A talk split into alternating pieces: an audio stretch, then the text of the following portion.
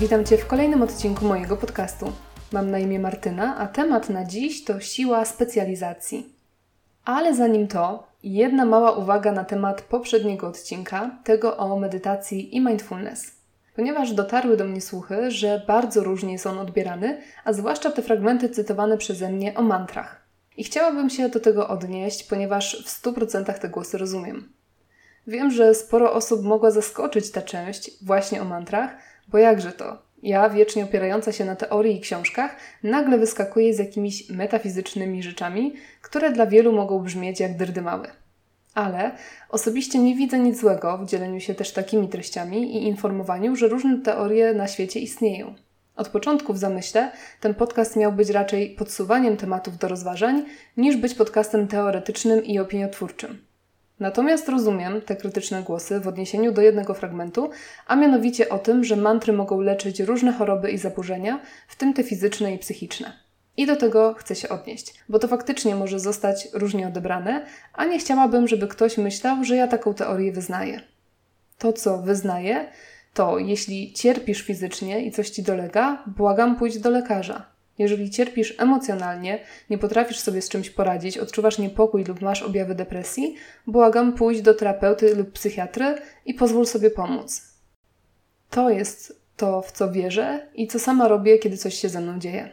Jednak równocześnie ja też trochę wierzę w to, że warto atakować problem z wielu stron dla maksimum efektu, o ile jest to oczywiście możliwe.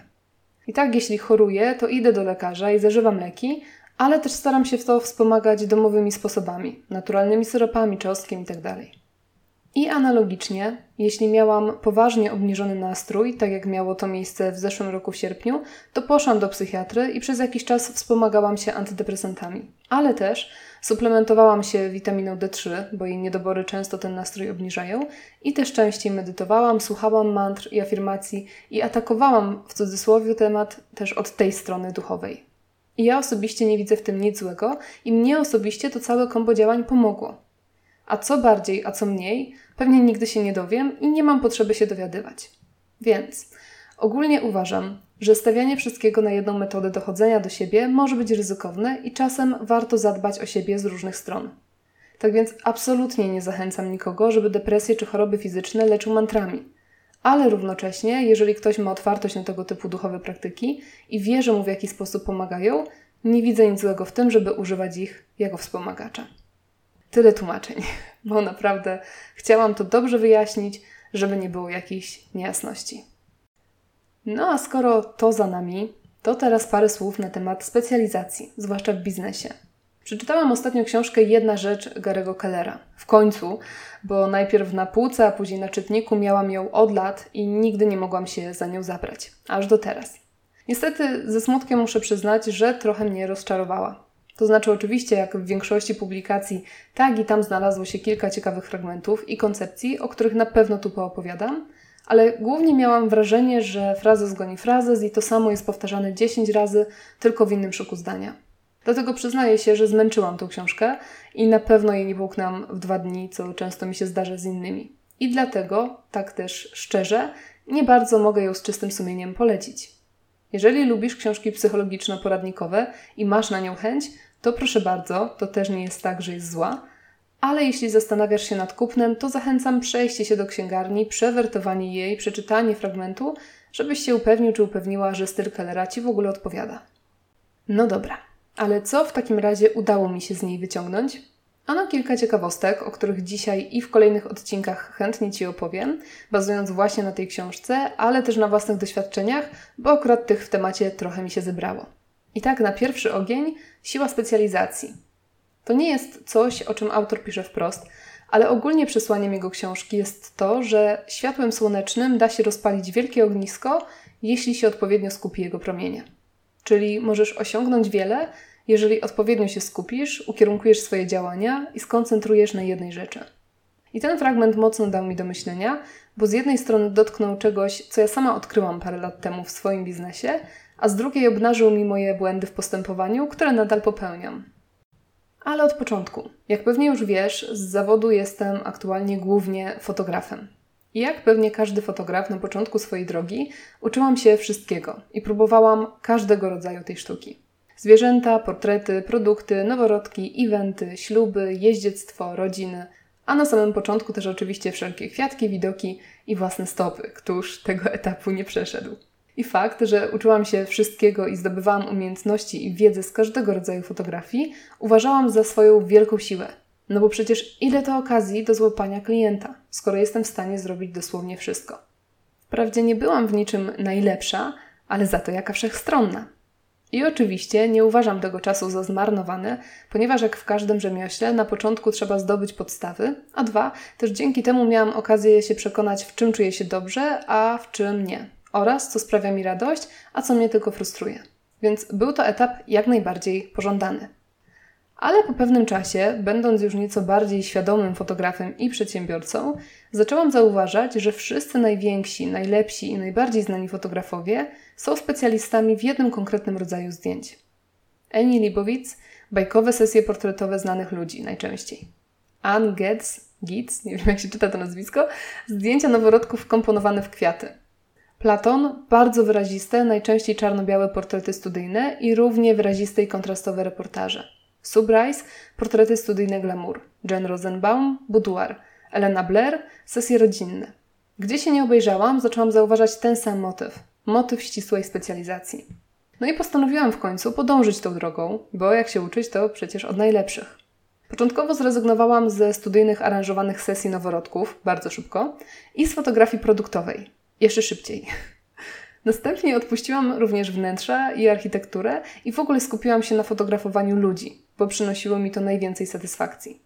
Przeszłam długą drogę ślubną, aż w końcu odkryłam, że eventy tak, ale raczej biznesowe, a nie okolicznościowe. A portret najchętniej studyjny. I wreszcie odważyłam się wejść w rodziny, ale tylko w sposób lifestyle'owy. I tym sposobem po prawie 8 latach pracy w tym momencie jestem jak fotograficzny statyw, czyli opieram się na trzech nogach eventach biznesowych, portrecie studyjnym i plenerowej fotografii rodzinnej. I tyle. I muszę przyznać, że ta droga nie była łatwa, a z każdą kolejną decyzją, żeby się wyspecjalizować jeszcze bardziej, drżałam i byłam pełna obaw.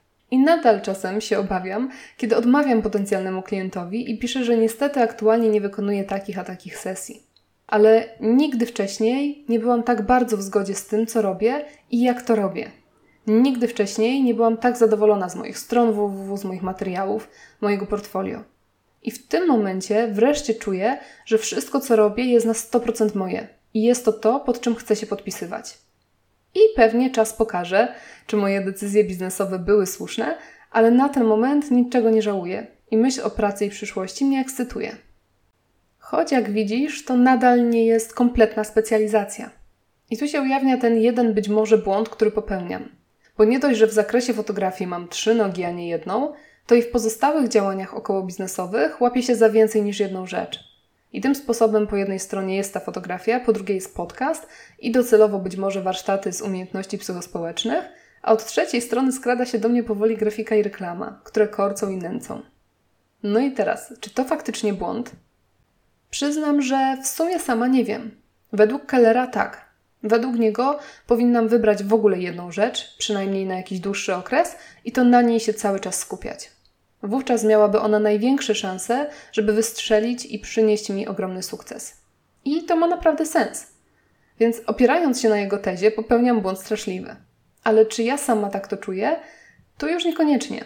Bo ja też trochę znam siebie i wiem, że jestem takim typem, który uwielbia działanie, akcje i który dość szybko się nudzi. Więc jeszcze na razie wierzę w to, że dywersyfikacja źródeł dochodu i codziennych zajęć da mi więcej dobrego niż skupianie się faktycznie na tylko jednym temacie i tylko jednej specjalizacji. Ale tak naprawdę czas pokaże. Być może już mi te różne podpórki zostaną, a ja sobie będę dzieliła energię między nie, a być może z czasem okaże się, że coś naprawdę mocno się rozwinie i wyspecjalizuje się jeszcze bardziej, aż do tej jednej, jedynej rzeczy. Tego najstarsi górale na razie nie wiedzą. Niemniej dzielę się dzisiaj z Tobą tą ideą, że światłem słonecznym da się rozpalić wielkie ognisko, jeśli się odpowiednio skupi jego promienie, i chcę Ci zadać kilka pytań, na które być może zechcesz sobie odpowiedzieć, a które myślę, że dadzą Ci jakiś nowy wgląd i nowe informacje. I tak, czy masz jakąś dziedzinę, w której się specjalizujesz? Czy jest jakiś temat, który jest Twoim konikiem i w którym dążysz do mistrzostwa? Czy koncentrujesz swój czas, wysiłki i energię na jednym temacie po to, żeby najszybciej i najsprawniej wzrastał? A jeśli nie, to czy w ramach Twojej pracy czy branży masz możliwość zawężenia swoich działań po to, żeby wykonywać je w ograniczonym zakresie, ale za to na coraz wyższym poziomie? Czy jest jakiś temat, być może niezwiązany z Twoją pracą, w którym chciałbyś, chciałabyś uchodzić za eksperta? Z czego chciałbyś, chciałabyś być najbardziej znany, znana? Co w swojej pracy czy działalności mógłbyś, mogłabyś odrzucić, żeby więcej czasu pozostało Ci na rozwijanie Twojej wybranej specjalizacji? Gorąco zachęcam, zastanów się nad odpowiedziami na te pytania. Nawet nie po to, żeby od razu odrzucać wszystko oprócz jednej rzeczy. Jak widzisz, sama jeszcze do tego etapu nie doszłam i też wierzę w to, że ten proces specjalizacji wymaga czasu, ale odpowiedz sobie na nie po to, żeby mimo wszystko na tę ścieżkę wejść. Bo z moich doświadczeń specjalizacja naprawdę przynosi dużo satysfakcji, niesamowicie ułatwia podejmowanie decyzji, dostosowywanie działań i generalnie sporo sprząta w planie biznesowym i w planie dnia. Więc warto. Pytanie tylko do jakiego momentu i jak wąsko się specjalizować. Ale to już zostawiam Twojej własnej rozwadze, gdyż sama odpowiedzi na to pytanie jeszcze nie znam.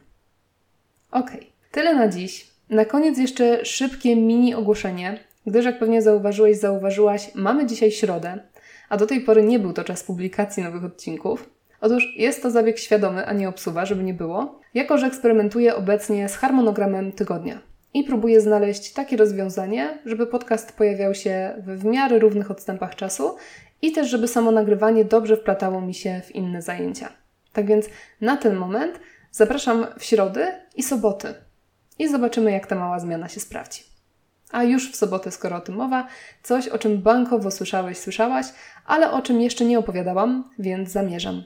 Zasada Pareto, czyli inaczej reguła 80 na 20. Tyle. Dzięki za wysłuchanie dzisiejszego odcinka i w ogóle za Twoją obecność tutaj. Do usłyszenia. Cześć.